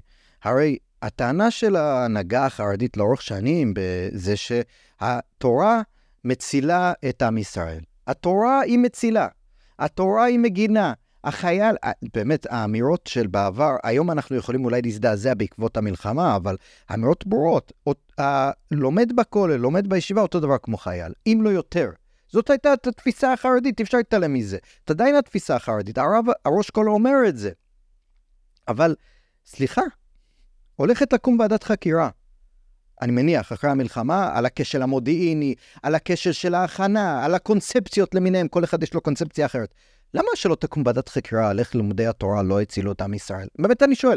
אני, אני, אני לא מצליח להבין את ה... יש כאן כלומר, תתייחסו לעצמכם ברצינות. אם אתם מצילים את עם ישראל, כן, יאללה, כן, סליחה. חשבון נפש. לא, כן, אבל, אבל רגע, משתמשים בתירוץ הזה כדי לא להשתתף ב, בכלל החברה הישראלית. זאת אומרת, זה לא שזה איזושהי אמירה בעלמא, לאמירה הזאת יש השלכות מעשיות על הכלכלה, על הצבא, אם כבר מדברים, למרות שאני לא באמת בעד לגייס חרדים, אני חושב שצריך פשוט לאפשר לצאת לעבודה. דרך אגב, דיברו, אז רגע, אני אסיים רק את הטענה הזאת, זה לא טענה, זה פשוט, זה פשוט ש- קושייה. איך אף אחד בציבור, מבחינת ההנהגה הרוחנית של הציבור החרדי, לא אומר, איפה כשלנו? אמרנו לציבור, אנחנו לומדים תורה כדי להגן על עם ישראל. הדבר הזה לא הגן על עם ישראל ב-7 לאוקטובר בשמחת תורה. ואנחנו לא, מאז לא התנצלנו, לא, לא אמרנו, אנחנו, האחריות עלינו כמו ראש אמ"ן, כמו הרמטכ"ל, כמו ראש שב"כ. אז, אז זה, זה, אני חושב שהציבור החרדי צריך לענות על זה. באמת, אני, אני כאילו, כי זה ממש כתירוץ לא להשתתף בשאר החברה הישראלית. לא, אז אני, אני כליברל לא מעניין אותי כל כך אם החרדי לומד, לא לומד, לא, לא מעניין מבזבז את אותי. הזמן, על, כן על הברזלים, מעשן, לא מעשן, אני לא אוהב להתערב בחיים של אנשים. נכון. מה שאני כן אומר זה כזה דבר. לא יכול להיות שיילקח ממני כסף בכפייה על מנת לממן מישהו אחר. אני אומר את זה דרך אגב, גם לגבי נכים, כן. גם לגבי חרדים. אני מעוניין לתרום לנכים באופן עצמוני ועצמאי. אני אולי אבל לנכים אפשר אולי, אני בעד אפשר כנכה, להצ- כנכה, אבל אה, אני, אני, אני מסכים איתך גם כנכה. הפעם הייתי מתבייש להגיד את זה, אבל, אבל אני, אני חושב שזה לא, זה, עוד אפשר להצדיק מדינת הלכה מסוימת. אה, אה, זה. משהו שסופר באופן אה, פומבי, אז אני יכול לספר אותו גם. פרופסור אה, אהוד גוטל, מהאוניברסיטה העברית, אה, הוא מומחה עולמי לדיני נזיקין, ובשיעור שלנו הוא סיפר משהו מדהים. הוא היה בשנת שבתון בחו"ל, עם משפחה, והוא שבר את הרגל באיזשהו ספורט. הוא ניגש לבית חולים, קיבל, אתה יודע, חשבון מהבית חולים, סביב 50 אלף שקל. בארצות הברית. שקל, כן. 50 אלף שקל, אתה יודע, גם פרופסור באוניברסיטה, זה, גם אם. יש לו חסכונות, זה, זה לא פשוט. הוא אמר, אוקיי, טוב, אה, בסדר, יש ביטוח, הרי כל אדם רציני, במיוחד פרופסור לדיני נזיקין, עושה ביטוח. נכון. אז הוא, הוא אמר, שולח את המסמכים לנגיד הראל, והם יסדרו את העניין, אני שולח להם את החשבון במייל וזה יסודר. הוא חוזר לבית חולים עם הצ'ק מהראל, שמסדרים לו את העניין, אומרים לו, אדוני, החשבון נוקה, לא צריך, לא צריך לשלם שקל.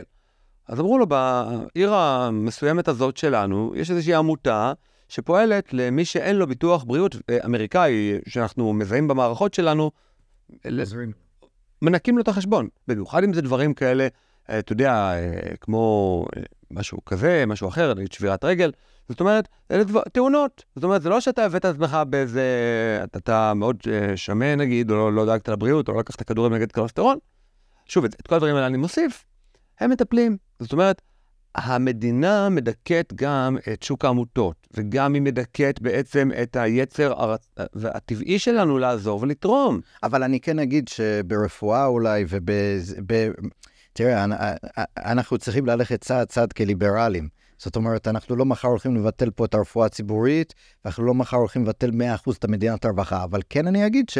ועוד אפשר גם, דרך אגב, להצדיק חלק מהדברים, אפילו כליברלים, אני לא שם, אבל אפשר. אבל לממן אנשים בריאים, כמו נכון, הציבור בדיוק. החרדי, זה, זה הרי הנושא הדיון שלנו נכון. כרגע. לממן אנשים בריאים שיכולים לעבוד, בגלל שהם רוצים לחיות בסגנון חיים, תסלחו לי, אפשר לחיות, בדיוק. אני אשמח לממן לומדי תורה, ואני מממן אה, לומדי תורה ומלמד אה, כמה כוללים וישיבות וכאלה ודברים מכספי הפרטי, כן. כי אני חושב שהם אה, עושים דברים טובים ומפרסמים פרסומים טובים, או נגיד בית המדרש של הרב אליעזר מלמד, Mhm.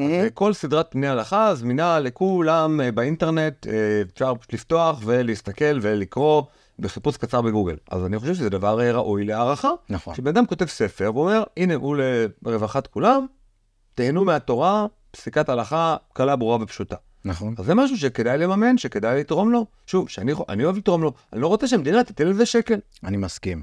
ואני אגיד לך גם, אה, אה, למה אני הזכרתי, באמת, כמו שאמרת, כליברל, לא אמור להיות לי אכפות, אכפת איך אנשים חיים את החיים שלהם. אני כן אבל חושב שכחברה, זאת אומרת, עזוב שנייה את המדינה, יש כאן איזה משהו מאוד מאוד לא בריא. אמ, כחברה, אנחנו, אנחנו כן, אני הייתי שמח שאנשים שחיים איתי כאן, יהודים, אנשים שכמו שאמרתי, אני מאוד מאוד מעריך, אפילו את סגנון חייהם, במוב... כמובן לא בצורתו הקיצונית ולא בצורתו הפנאטית, אבל כן, אה, זאת אומרת, לא נטורי קרתא, מאה שערים וכולי, אבל כן, המיינסטרים החרדי חי במקום שבו אמ, הרבה מאוד מהמאפיינים שלו אני מאוד מאוד מחבב ואוהב. ודווקא אנשים שמדברים כל היום על חסד, ובאמת יש המון חסד, ו- ואני הייתי רוצה. הציבור, הציבור שהכי תורם מבחינת כן. אה, תרומה לעמותות, כן, נומינלית. זאת אומרת, לא חלקי ההכנסה שלהם, זה הציבור החרדי. כן, כי הם חיים סביב חסד גם בתוך, הח- הרבה מאוד מהצדקה הזאת מגיעה לתוך, השכונו, לתוך החברה שלהם, ובצדק. זאת אומרת, כי, כי החברה הזאת חיה גם מתוך נדבות. אם אתה תלך לבני ברק ואתה ת- תשב באיזה דירה בבני ברק, יום אחד אחרי צהריים, דופקים בדלת פעם אחת, תרומות לחתן. דופקים בדלת אחרי חצי שעה, תרומות לכלה. דופקים תרומות לאלמנה. זה, ו, וזה דבר שהוא אמ, ראוי להערכה. דרך אגב, אני, אז אני אומר כאילו, יש הרבה דברים שאפשר להעריך, אני לא אוהב את זה שחיים על נדבות, אבל אה, אנשים רוצים לתת וזה טוב. אבל כן, הם, הם חלק מאיתנו, והייתי רוצה שיהיה, זאת אומרת, אני חושב שזה לא בריא שיש חברה כל כך גדולה, שגם גדלה עם הזמן, שעזוב כלכלה, עזוב כלום. הייתי רוצה שתהיה איזושהי זהות, איזושהי הזדהות בסיסית בין חלקי החברה. זה, זה במלחמה הזאת, אה, אה, זה גרם לזה, אבל ביום-יום, הרי המתחים וכל הדברים שחשנו במלחמה אה, יעברו. אנשים, המתיחות אה, הקודמת תחזור. לדעתי, ב... לצערי, אני חושב שהיא כבר מתחילה לחזור, ואני חושב שעם הזמן היא תחזור ביתר שאת. המתחים, הכעסים, השנ- השנאה בינינו, ואני חושב ש... שהייתי רוצה שזה לא יהיה, גם מצד הציבור החרדי, וזה יוצר אה, אי נעימות, זה יותר מאי נעימות, ממש שנאה בין חלקי העם. אני חושב שאולי באמת אה, חלק גדול מהמתחים ומהקשיים שאנחנו מדברים עליהם פה, של קבוצות לחץ שמשתלטות על הפוליטיקה, כן.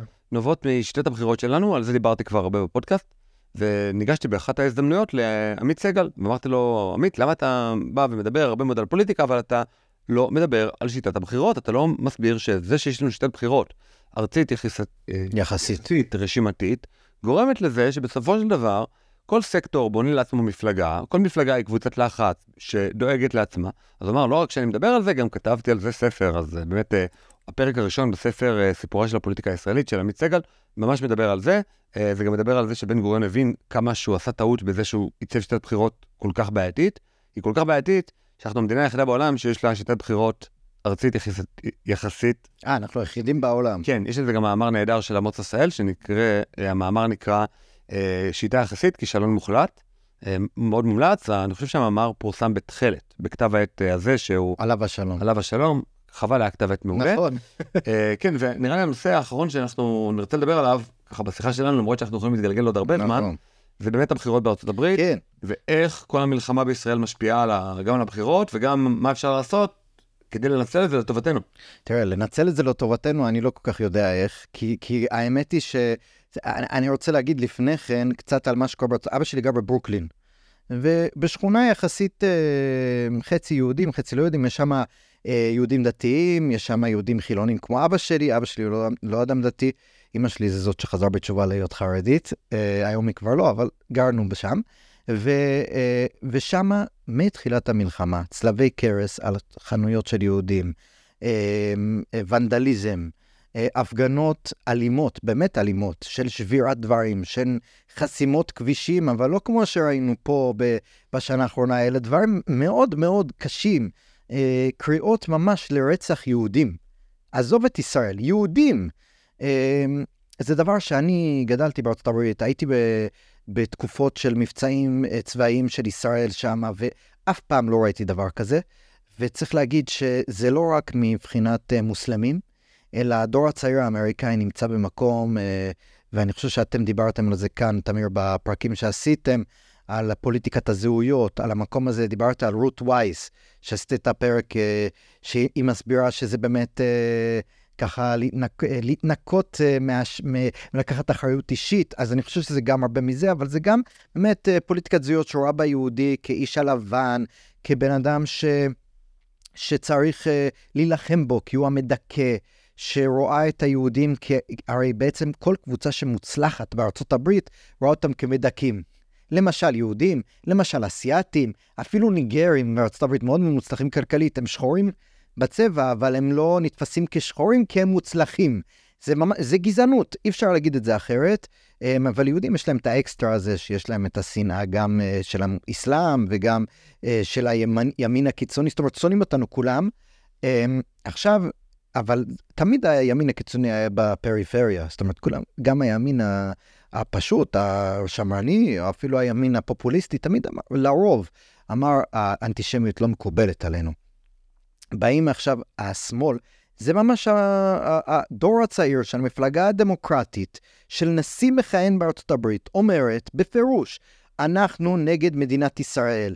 אנחנו באוניברסיטאות שלנו הולכים להפגנות שבה נאמרים בפירוש שמן ההר עד הירדן פלסטין uh, תהיה חופשית, זאת אומרת שאין מדינת... זה יותר מוכר באנגלית, From the river to כן, the כן, sea, כן. Palestine will be free. בדיוק, אני ניסיתי לתרגם. זאת אומרת, אנחנו אה, ורואים את זה גם בסקרים, זאת אומרת, אה, סיפרתי לך על סקר שממש רואים שהדור הצעיר, 18 עד 24, בארצות הברית, פשוט מצדיק את המתקפה של חמאס ב-7 לאוקטובר. זה לא שהם רוצים זכויות לפלסטינים, שתי מדינות לשני עמים, כל הדברים האלה. הם לא שם בכלל. הם רוצים, את ה, הם רוצים שירצחו את היהודים. כאילו, סליחה, הם לא אומרים את זה ככה, לרצוח את כל היהודים. הם אומרים, אה, מוצדק, אפשר להבין אותם. וכמה עמודים אחר כך מבינים גם למה. הם רואים את היהודים כלבנים, כמו שאמרנו, הם רואים את הערבים כ, אה, כמדוכאים, והאיש הלבן הוא תמיד אשם בהכל. אה, אז, אז זה, זה, זה, כאילו הרקע. עכשיו, מאז שביידן כאילו תומך בנו, לא כאילו, תומך בנו, אה, רואים שהטענה אה, של הרבה מאוד בתקשורת שממילא לא, לא אוהבים אותנו, היא ש... הסיבה שביידן יורד בסקרים זה בגלל שהוא תומך בישראל. וזה מפומפם מבוקר עד ערב בארצות הברית, בצורה שהיא באמת, אני לא ראיתי דבר כזה, זה ממש נהיה קמפיין אה, שנועד בעצם למשוך את ביידן להיות נגדנו. זה ממש רואים את זה, אה, ו- וממש... אבל זה לא תואם את האוכלוסייה, זאת אומרת, האוכלוסייה בסופו של דבר היא לא 18 עד 24. נכון, אבל... והאוכלוסייה באופן רחב, תומכת, כן תומכת כן, בישראל, כן. וביידן, הרי כמו כל uh, uh, מנהיג בשיטה רובנית, בניגוד לשיטה יחסית, יודע שאת החצי שלו, פחות או יותר, כן. יש לו. עכשיו, את מי הוא צריך? את המצביעים של המרכז. אבל, אבל, עכשיו אני אגיד איזה אבל, אנחנו יודעים שארצות הברית מתנהלת לפי מדינות. זאת אומרת, זה לא שביידן אה, מתמודד על כל הבחירות בארצות הברית. טראמפ ב-2016 איבד, הפסיד את רוב הקולות, זאת אומרת, קיבל פחות קולות מהילרי, ועדיין זכה בבחירות, כי הוא זכה במדינות החשובות, כי זה עובד לפי שיטת האלקטורים, לא יודע אם עשיתם פה פרקים, אפשר לעשות לקראת הבחירות, משהו באמת על זה, אבל במדינות החשובות, יש מדינות עם אה, אוכלוסייה מוסלמית מאוד מאוד גדולה, למשל במישיגן, שם נמצאת דירבורן, שזה עיר עם רוב מוסלמי, אה, רוב גם ערבי, זה לא רק מוסלמים, זה אנשים שהגיעו ממדינות ערב. יש אוכלוסייה סודנית מאוד גדולה, סומלית מאוד גדולה, יש שם אה, אה, אילן עומר, מגיע אה, לדעתי משם, וגם רשידה טליב מגיע מאיפשהו באזור הזה. בקיצור, יש שם אוכלוסייה מוסלמית מאוד גדולה, ואם, זה לא מקום שטראמפ הפסיד בו בכזה הרבה. זאת אומרת, אם הם, הטענה היא שאם הם פשוט לא הגיעו לקלפי, האנשים האלה, הוא יפסיד. זאת אומרת, זה, זה מה שמפמפמים בתקשורת. אמ, אז אנחנו נמצאים במקום שבו הוא באמת, לדעתי הוא באמת חושש מזה, כי גם ככה הוא נשיא לא פופולרי, ובצדק, בהערת אגב, ואז אנחנו מגיעים למצב שבבחירות הקרובות הוא יצטרך להחליט האם הוא לוקח את הסיכון לעצבן את, ה, את הממסד היותר מתון במפלגה הדמוקרטית. דרך אגב, כשאתה אומר שתומכים בנו, מפלגה דמוקרטית זה לא כזה מובהק כמו שבשאר באינדפנדנס וברפובליקנים. זה, זה הרבה פחות. זאת אומרת, יש שם הזדהות משמעותית לפלסטינים, במפלגה, מצביעי המפלגה הדמוקרטית, לא רק צעירים. וכשאנחנו אומרים פלסטינים, אנחנו מתכוונים לרוצחי השביעי לאוקטובר. אז הם יגידו שלא. סתם פלסטינים. לא, אז אני מניח שצריך לבדוק את זה, אבל בגדול, מי שאומר שהוא תומך בפלסטינים עכשיו, אומר דרשני. זאת אומרת, כן, אתה צודק, אבל בעבר אה, אה, זה לא היה מובהק. זאת אומרת, אנשים, אנחנו מזדהים עם הפלסטינים מדוכאים וזה. השאלה אם מי... לא, שבסקר הקודם שדיברת עליו לפני כמה דקות... כן, זה אצל הצעירים. ששאלו אותם האם אתם יכולים להבין את חמאס בהתחשב בכך אה, שישראל אה, עושה עליהם, אה, מתעללת בהם במשך שנים, או כובשת אותם וזה, אז הם אמרו, אנחנו יכולים להבין. אני לא מבין מי יכול להבין. גם בישראל, דיבר, אני לא זוכר מי דיברתי, שהייתה שואה, אני לא זוכר שיהודים הלכו ורצחו תינוקות של גרמנים. לא זוכר דבר כזה, לא היה, לא זוכר כי לא היה. לא ורצחו תינוקות. אה, כרתו איברים, אה, אנסו נשים, אה, זאת אומרת, לא היה פה רק, בוא נגיד, רצח תוך כדי מלחמה, נגיד צה"ל מפציץ עם F-16 איזשהו בניין, אז יש שם איזשהו תינוק בקומה הראשונה שהמודיעין לא ידע עליו. אוקיי, נכון, צה"ל הורג בדרך אגבית גם אנשים שהם לא מעורבים בלחימה, אבל אני חושב שמעולם שום חייל של צה"ל לא בא, ראה תינוק הטיח אותו בקיר בשביל לפרק לו את העצמות. נכון. כמו שנאצים עשו וכמו שהחמאס עשו. נכון. אני מסכים, אז זה בדיוק ה-distinction, זה בדיוק ההבדל שצריך לעשות. ואז כן, המפלגה הדמוקרטית, זה, זה עדיין יש תמיכה לישראל, אבל הרבה פחות ממה שהיה בעבר והרבה פחות מה, מהקבוצת המצביעים האחרת. עדיין הממסד תומך בנו, אבל אנחנו, הוא יצטרך, הוא יצטרך לקבל החלטה, כי הוא עלול, נניח שהוא בגלל האלפי מצביעים במישיגן מנס, משנה מדיניות, הוא יכול באותו מידה לעצבן מצביעים יהודים. הבעיה שהמצביעים יהודים נמצאים במדינות שממילא דמוקרטיות לרוב. אז או... נגיד ביידן, אני מוכן להמר על מיליארד שקל שאין לי, שהוא מנצח בקליפורניה ובניו יורק. בדיוק. ושם יש הרבה יהודים. אז הוא לא יעשה שום עצרת מרכזית בקליפורניה ובניו יורק, גם על זה אני מוכן להמר. לא, הוא יעשה בשביל לקחת תרומות. אולי תרומות, לא, אבל הוא לא יעשה עצרת מרכזית, נכון, נכון. הוא לא יעשה ראלי. הוא יעשה מפגש לתורמים. מפגש נכון. סגור לאלף איש. אז זה בהקשר הישראלי. מה שצריך לדעת לקראת הבחירות זה שתי דברים. קודם כל, טראמפ, שהוא כרגע מועמד המוביל בפער עצום, ואני מניח שבאמת הוא ייבחר בפריימריז, והוא כרגע בסקרים מוביל על ביידן, שזה דבר, ולא במעט, דרך אגב. יש כאילו הובלה משמעותית, אלא שצריך לזכור, האיש הולך להיבלות במשך כל אורך הקמפיין הזה בבתי משפט. והוא הולך להיות מחויב להגיע גם לבית משפט.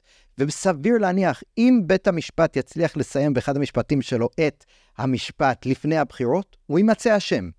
זה, זה הקונצנזוס בקרב המשפטנים. ולכמעט כל העבירות שלו, יש, הולכים לכלא על הדברים האלה.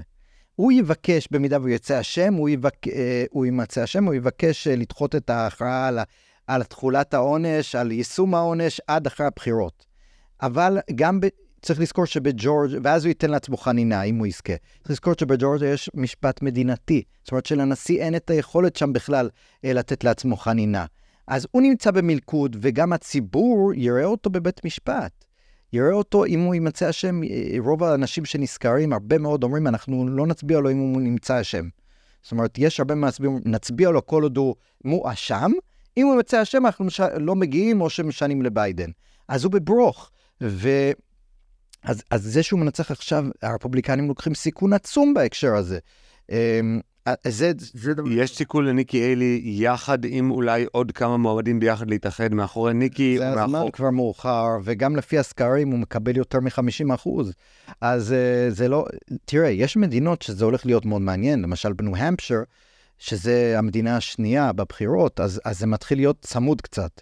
עדיין טראמפ מוביל באיזה 20-30 אחוז.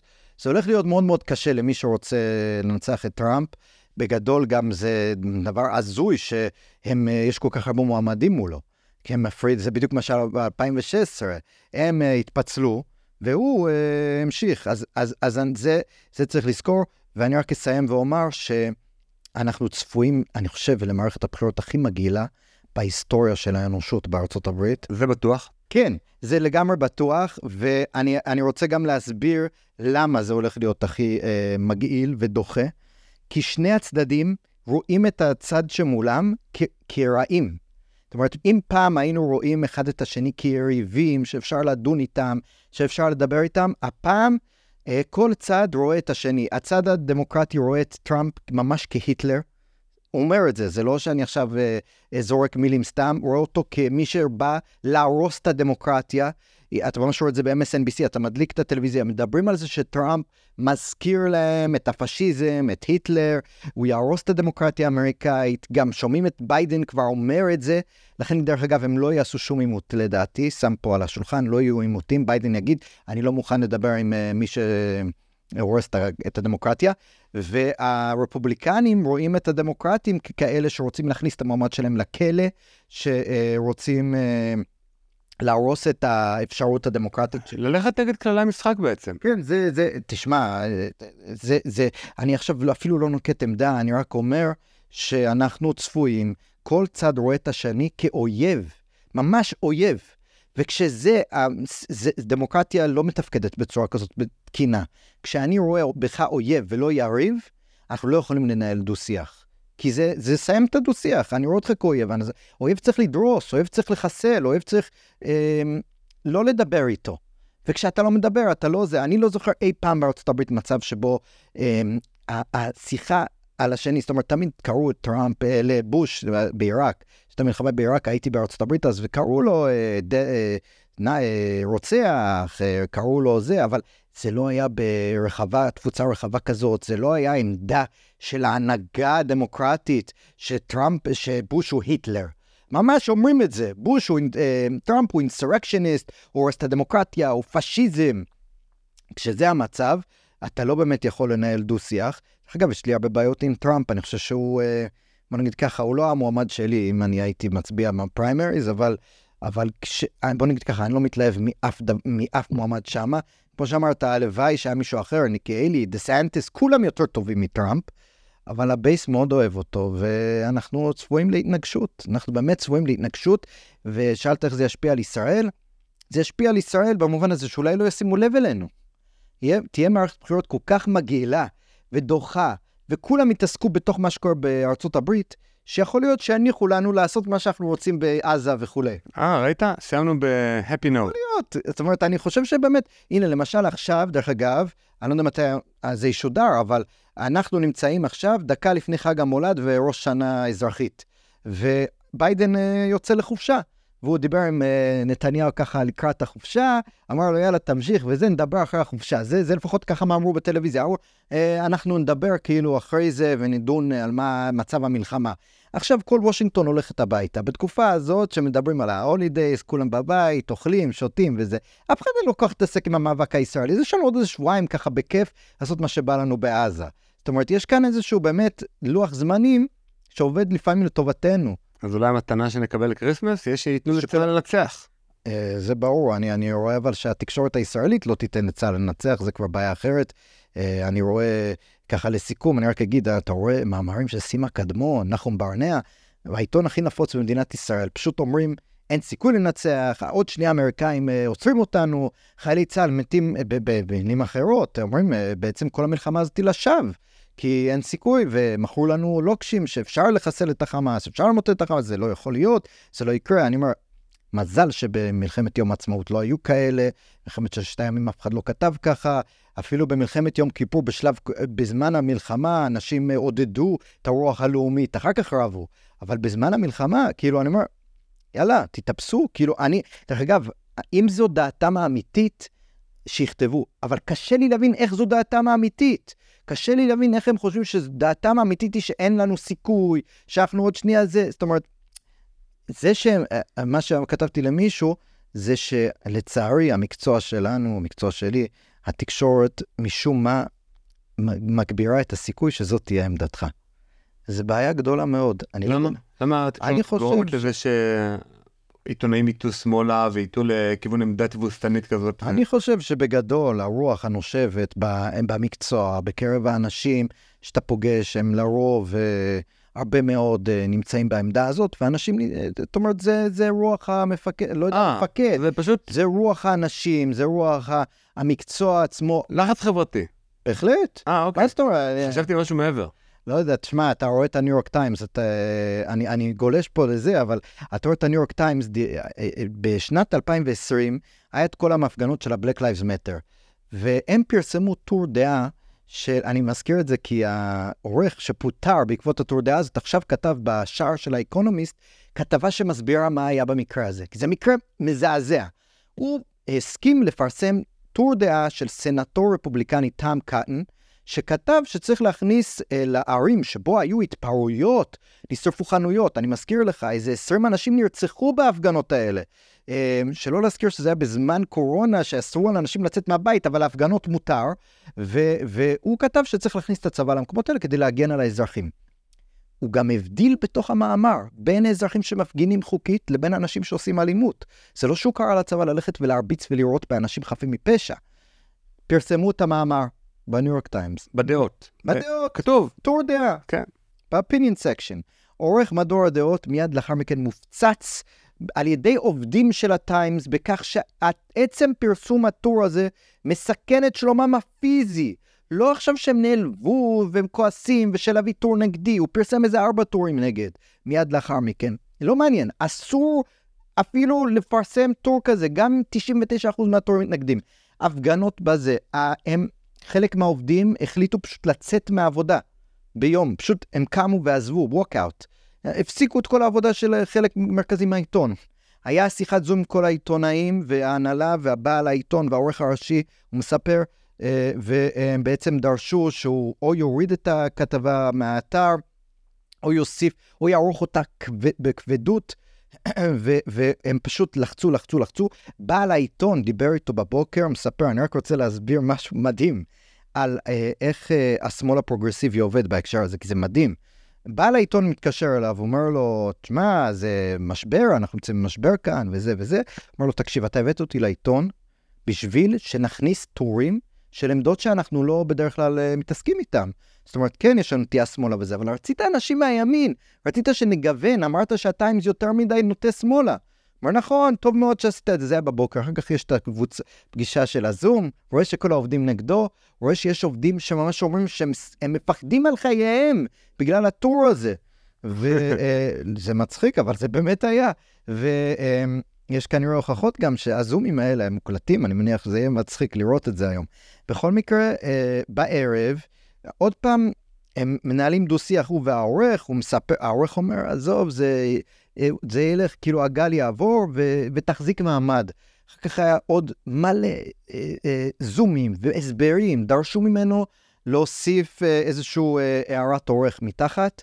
אה, הוא הסביר שהוא שם הערת, הוא אמר בסדר, שם הערת עורך שהסביר שזה לא העמדה של הטיימס, ושזה, ושפה, ושזה. אחר כך אמרו לו, "ת- תעשה בטוויטר האישי שלך התנצלות. אומר, אוקיי, למה בטוויטר האישי? אמרו לו, בגלל ש... ולא בניו יורק טיימס עצמו, בגלל שככה זה יותר אותנטי וזה. ואז אמרו, נתנו לו נוסח מה לכתוב. זאת אומרת, הכתיבו לו, אמר, בסדר, בשביל העיתון, אני, אה, אני עושה את זה, והוא עשה, ולמחרת בבוקר מתקשר אליו אה, או, הבעלים מהמו"ל של הטיימס, אומר לו, אני מבקש ממך להתפטר. כאילו, יום לפני כן הוא אמר לו, אני בעד הריבוי דעות, אני בעד זה, אני בעד זה, אני תומך בהחלטה להעלות את המאמר. ויום אחרי זה הוא ביקש ממנו להתפטר, הוא אמר לנו מתפטר, פיטר אותו. אה, האיש איבד את משרתו בגלל שהוא פרסם טור דעה, עשו לטור הזה fact checking, בדקו בדיקת עובדות, לא היה שום שקר שם, לא היה שום דבר. כן, זה דעה, זה טור דעה. לא, אבל בתור דעה, אם בן אדם מביא עובדה לא נכונה, אז צריך לבדוק, וזה, עם הנתון, עם הזה.